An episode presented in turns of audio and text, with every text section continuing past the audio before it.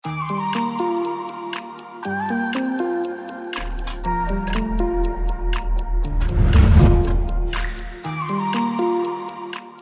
datang lagi teman-teman semua di podcast Trion. Sekarang balik lagi sama gue, Kania. Nah, eh, pada hari ini gue kedatangan tamu yang spesial, unik, dan ya saya terhormat lah ada tamu ini hari ini. Eh, Bang Armain, selamat datang. Selamat datang kan ya. Iya, ini pertemuan pertama ya Pak.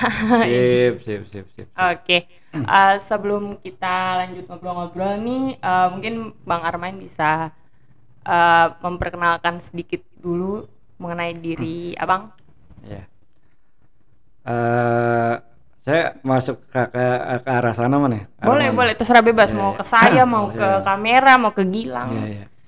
Eh, perkenalkan eh, nama saya nih eh, kalau nama lengkap Armain ya. Hmm. Armain nama lengkap.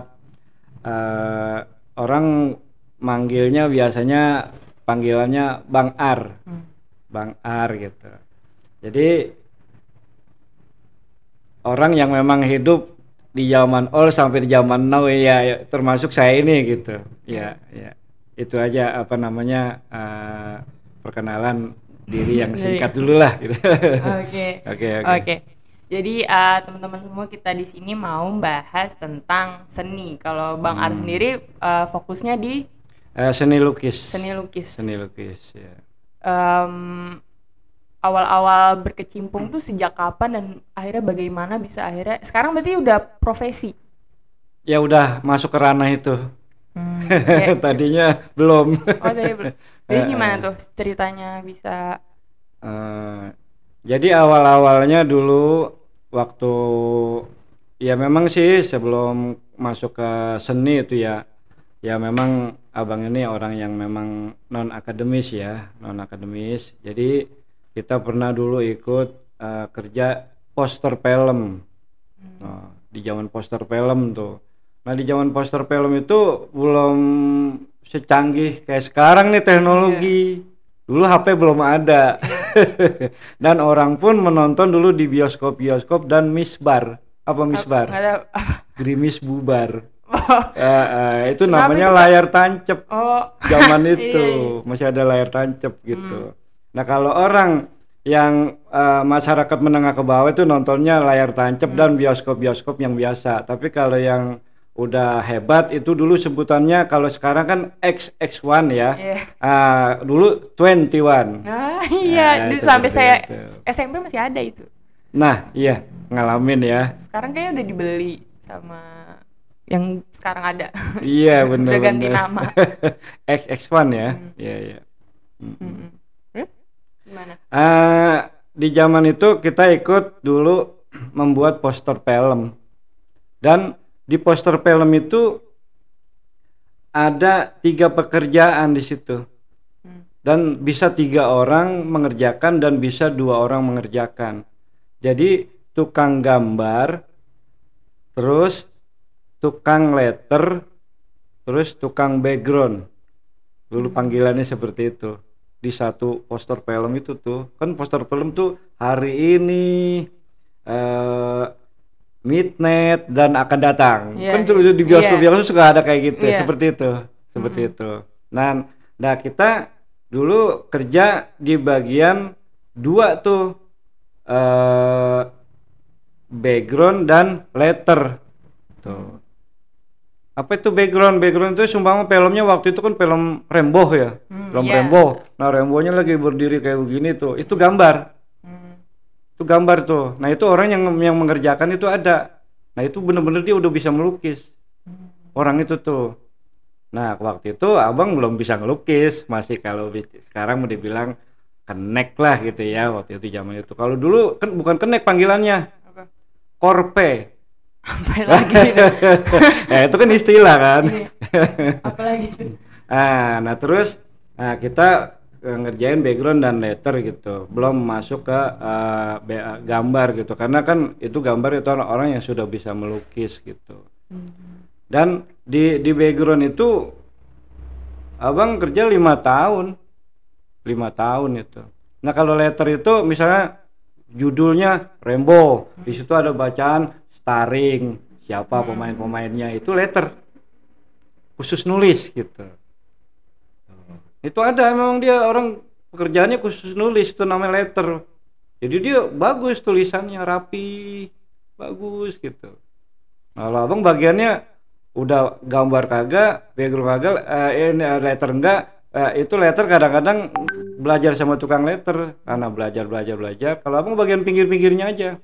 Tapi di pinggirnya itu ada ilmu tersendiri. Karena bikin background itu di situ sudah warna-warna campuran. Tuh makanya kan kalau orang sekarang itu warna primer dia bilang tiga tuh. Iya. kuning sama biru sama, hijau, merah. Sama merah. merah. Sebetulnya kalau di kita tuh di poster film dulu sampai lima.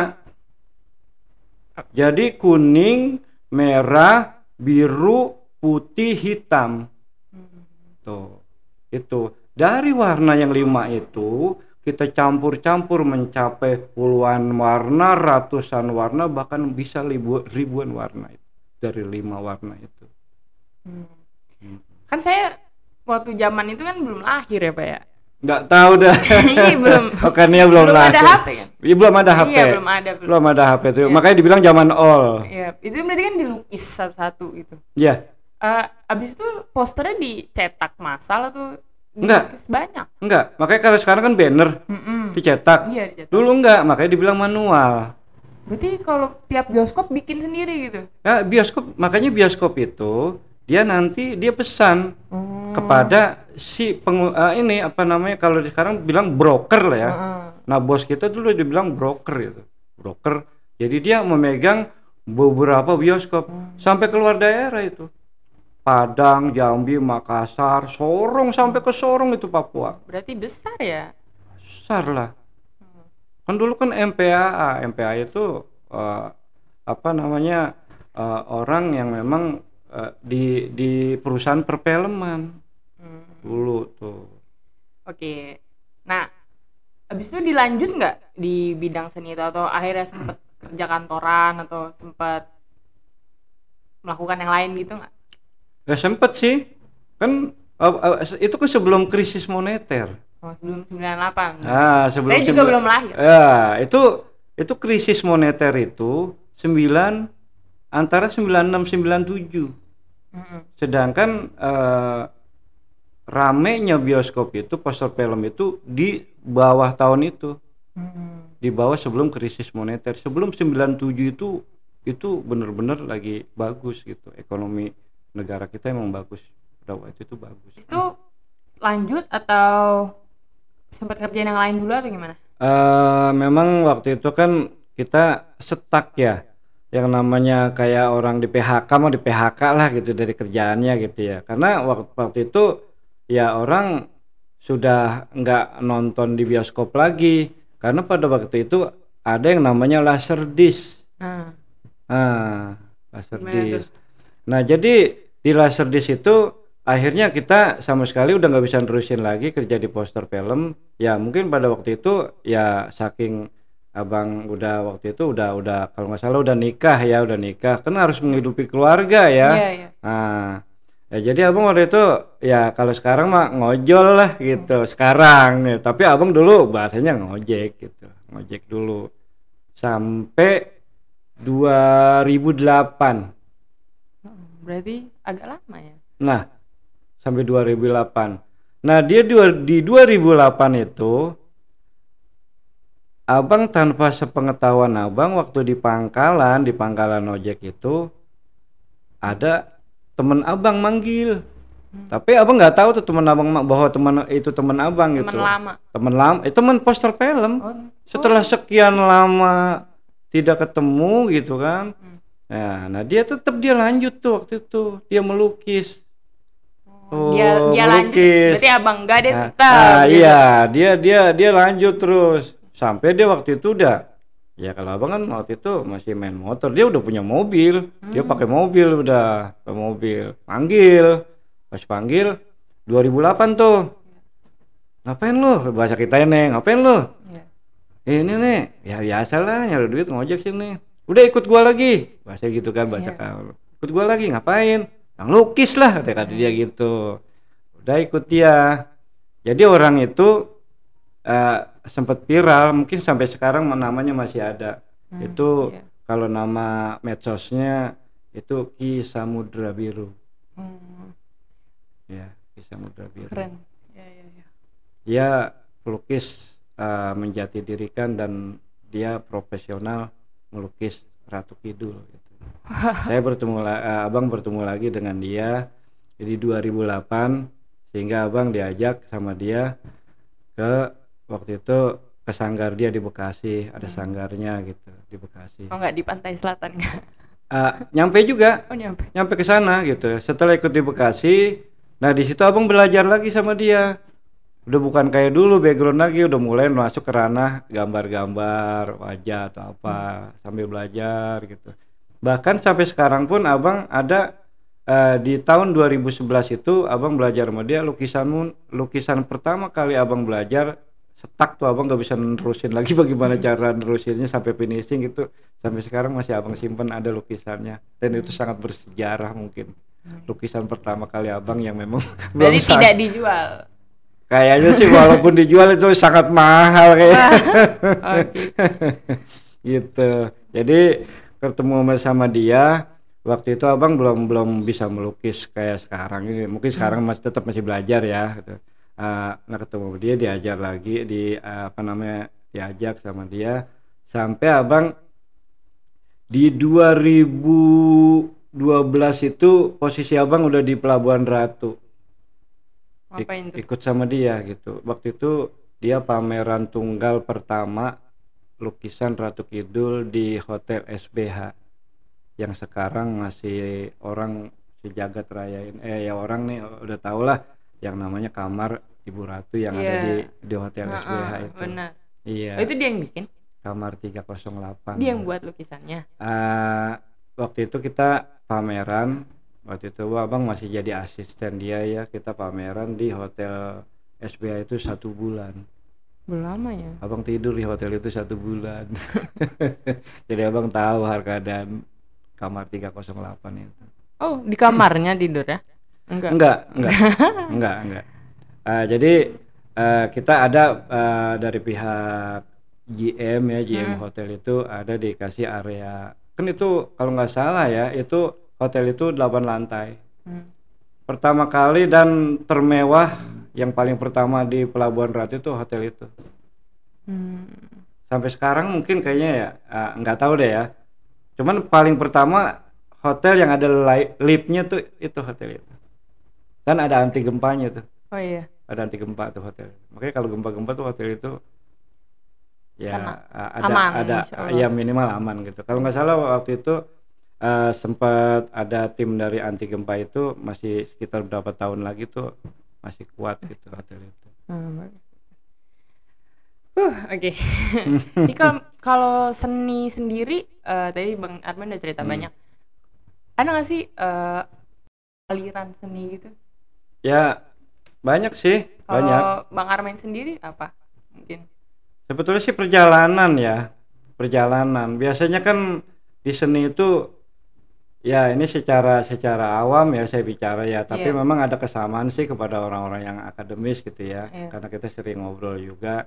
Biasanya suatu perjalanan gitu. Jalanan dia dia ini dulu gitu, realis dulu. Realis dulu. Jadi apa yang sebenarnya digambar ya misalnya gambar pohon, gambar Ramadan, gambar apa itu itu awal-awal awal-awalnya dari situ dulu, Mm-mm. dari situ dulu. Dari situ dia sudah ini itu dia biasanya pindah, pindah gitu. Jadi dia menemukan. Dia style. pindah gitu. Kayak sekarang semua kita pakai baju ini mulu kan bosen. Iya. Bosen. Oh, karena bosan. Oh, ada lagi, oh kayaknya baju merah nih enak gitu. Kayak seperti itu sebetulnya seperti itu gitu.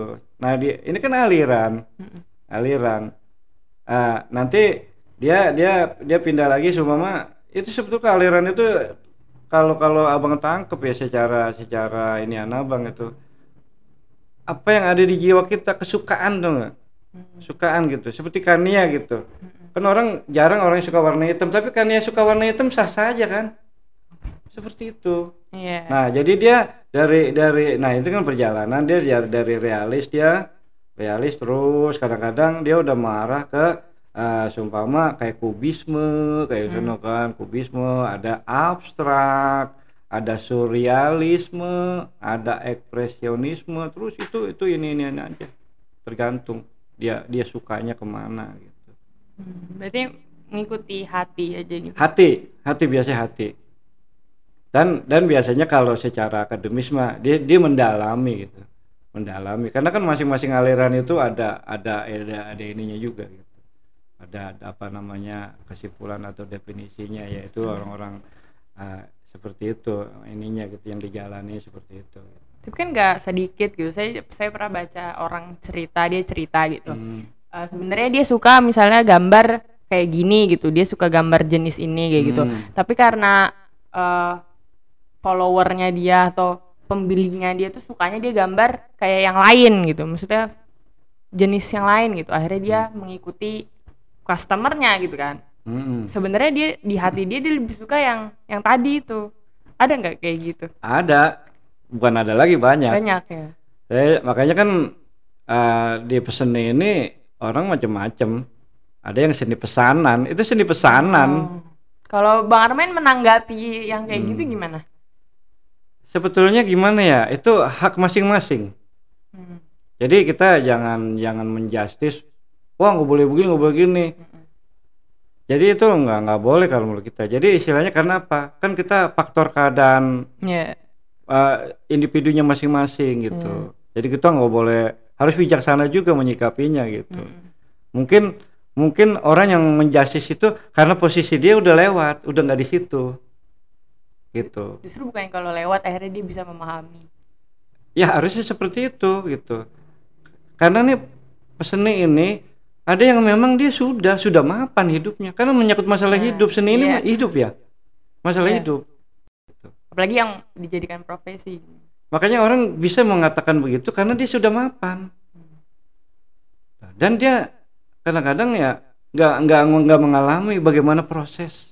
Hmm, iya. proses keseharian. Oh iya yang seorang peseni itu harus dituntut dengan kehidupan oh ada macam-macam. Apalagi dia sudah berkeluarga Iya. gitu kan dia nggak berkeluarga aja di seni ini kan mahal seni ini mahal. Nggak benar. murah mahal. Karena Benar. apa? Alat-alatnya pun mahal. Iya. dan bisa juga sih ada pakai alat murah gitu. Tapi Iya. pada umumnya kalau yang udah yang bermerek gitu itu mahal. Satu tubuh cat itu bisa ada yang sampai 500.000 ribu bahkan sekarang nggak saya nggak tahu. Tapi nggak tahu. tapi ada harga ada kualitas. Jelas. Hmm. jelas. Nggak mungkin eh, baju baju yang ada di butik itu sama dengan kaki lima. Nggak Iya, mungkin. Nggak mungkin ya secara logika. Jadi secara apa namanya eh, uang nggak bakalan bisa membohongi gitu. Harga misalnya gitu. Nggak mungkin ya harga mahal. Sama harga murah sama sih. Itu berarti orang kali ini nipu-nipu. Seperti itu. Jadi kalau ngomongin harga tadi, eh, Hmm. kalau misalnya ada eh, anak gitu masih muda Hmm. gitu, dia mungkin eh, secara ekonomi kurang gitu, tapi dia pengen melanjutkan di seni, terutama seni lukis, eh, gimana? Bisa, bisa. Tergantung dia idenya mau berusaha nggak gitu. Yang namanya orang berusaha itu, eh jadi si- siapa orang yang bersungguh-sungguh itu pasti. Walaupun Pasti dia dapet ya, gitu. pasti ya. Cuman kan proses, prosesnya itu yang lama. proses ada yang lama, nggak nggak kita katakan lama juga. Ada yang lama, ada yang sedang, ada yang sebentar. Hmm. Tergantung. Itu menyangkut hoki masing-masing juga. Hmm, Hoki doa. Gitu. Nah, itu kan apa biografi masing-masing Mm-mm. manusianya juga sih gitu. Ada yang memang dia prosesnya lama sampai juga ada yang prosesnya sedang sampai juga ada yang bahkan sampai sekarang pun masih dia masih berjibaku di situ gitu. Tapi asal pokoknya jangan menyerah gitu. Ah, itu satu, jangan menyerah, tahan banting. Nanti pun proses itu berjalan kok. Karena kalau uh, saya lihat kayak kalau di dunia profesional gitu, mungkin bidang seni itu memang yang paling keras nggak sih? Iya, bisa bi- Ya, salah apa dia? satu Iya, lah, salah, salah satu ya. satu Iya, lah. iya, iya. Karena karena memang orang yang terjun di seni ini ya walaupun saya bicara apa yang saya jalanin itu ya ya memang lumayan gitu ya lumayan. Kadang-kadang kan ya entah dukungan dari keluarga Iya, kadang-kadang nggak ada gitu. Tapi kita masih keras keinginan gitu untuk mendalami kita punya profesi gitu. Oke. Tuh. seperti itu. Kalau untuk uh, pesan gitu mungkin untuk teman-teman yang masih seumuran saya Mm-mm. atau untuk teman-teman seniman yang lain uh, ada nggak bang? Ya kalau pesan sih begini aja. Eh, yang penting bagaimana keadaan di hati kita. Kalau memang kita cinta kepada seni ya, sungguh-sungguh, ya insya Allah pasti akan mendapati gitu. Walaupun nanti berproses gitu. Dan untuk yang pemula ya jangan takut-takut. Yang penting kita yakin apa enggak nih untuk kerana seni ini gitu. Kalau memang kita yakin itu tetap berproses gitu. Tapi tetap tetap minimal kita ya banyak belajar dan banyak bertanya dan banyakin kawan. Tipnya itu Banyak aja. bergaul. Bergaul maksudnya seperti itu. Bergaul jangan jangan jangan pilih-pilih. Hmm. Tetap. Jadi jangan disangka wah ini wah ini kayaknya nih orang penampilannya udah rambutnya gimbal ya kan udah ini ini ini. Itu ng- jangan kita kepancing dengan casing. Iya. Kan- itu aja pesan-pesan aku seperti itu aja. Karena orang-orang seni banyak kan Mm-mm, benar. orang lihat casing ya. Mm, iya. Casing. Kita bukan belain orang seni enggak, itu apa adanya. Karena dia orang-orang seni pada umumnya ya. Orang seni itu apa adanya. Hmm. Dia apa adanya bukan ada apanya. gitu. Ya kalau tadi ngomongin casing, eh kalau saya pribadi misalnya di keluarga gitu, Hmm. atau mungkin masyarakat secara umum kan nggak sedikit gitu yang melihat eh seni ada negatifnya gitu. Hmm. Karena saya waktu itu kan pengen ngelanjutin sekolah film atau gimana gitu kan. Hmm. Akhirnya kan di- dilarang orang tua gitu, Hmm. katanya lingkungannya kurang baik lah atau gimana Hmm. gitu. Nah, kalau tanggapan Bang Armain gimana tentang itu? Kalau itu di mana pun kita tuh kalau di suatu tempat atau di suatu pekerjaan atau suatu apalah gitu ya, pasti ada ada ada masalah dan ada resiko. Tinggal bagaimana kita. Hmm. Itu aja sih. Iya. Tinggal bagaimana kita. Kita terpengaruh atau enggak. Itu aja. Ya benar. Itu kita aja sih. fokus gitu ya dengan Iya.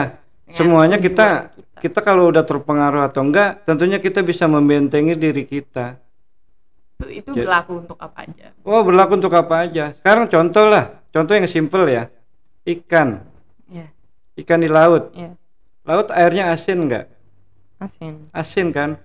Tapi ikan itu, ikan di laut itu kalau masih di dalam laut dia enggak asin. Iya. Karena dia saring airnya. Tapi dia kalau sudah naik ke darat itu bisa diasinin gitu.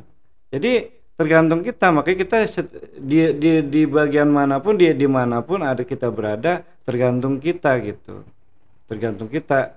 Ya memang sih pada umumnya kalau kita bisa menghindar menghindar. Tapi kalau memang kita nggak bisa menghindar memang harus ada di ranah itu. Ya kalau saran abang, yang penting kita bisa membentengi diri. Tentunya kalau membentengi diri itu kan kita tahu trik-triknya. Wah nih orang pastilah kita tahu lah. Nih Iya, orang triknya iya. tipenya begini begini Iya. begini gitu. Itu pasti tahu kita. Oke. Oke. Eh, mungkin segitu dulu untuk hari Hmm. ini. Mungkin Abang kalau diundang lagi mau nggak ini? Wes eh, dengan senang hati kok. dengan senang Eh, hati. ya. Kalau saya pribadi eh, kurang gitu untuk Mm-mm. skill seninya gitu. Tapi kalau untuk menikmati atau ya saya pasti sangat tertarik gitu Iya. ya. Nah, saya juga kalau bisa dibilang iri gitu Mm. sama orang-orang yang bisa lukis atau Mm. apa kayak gitu. Mm-mm. Tapi sebenarnya itu bisa kan ya? Maksudnya dilatih kita bukan bukan masalah oh dia dari lahir jago kayak gitu. Nah, makanya kan Abang ada dua nih. Ada talenta, ada nggak talenta. Hmm. Kalau talenta itu kan benar pembawaan, Mm-mm. ya, bakat. Kalau bahasa kitanya mau bakat. Pembawaan dia. Emang dia bakat ini nih gitu. Tapi ini ada, dia nggak bakat. Mm-mm. Tapi kemampuannya kuat, Tetap bisa. mantep. Tetap dia bisa. Hmm. Jadi abang kasih motivasi walaupun nih ya ini sumpama nih dari dari dari bukan talenta dan bukan bakat. tapi kemauannya ada untuk belajar. Itu yakinkan. Pasti bisa. Pasti bisa. pasti Oke. bisa. Bisanya itu kan punya kadar masing-masing. Mm-mm. nggak mungkin kayak abang bisa begini kan ya sama bener bisanya abang. Enggak. Tetap bisa cuman ada kadarnya masing-masing. Itu aja sih sebetulnya.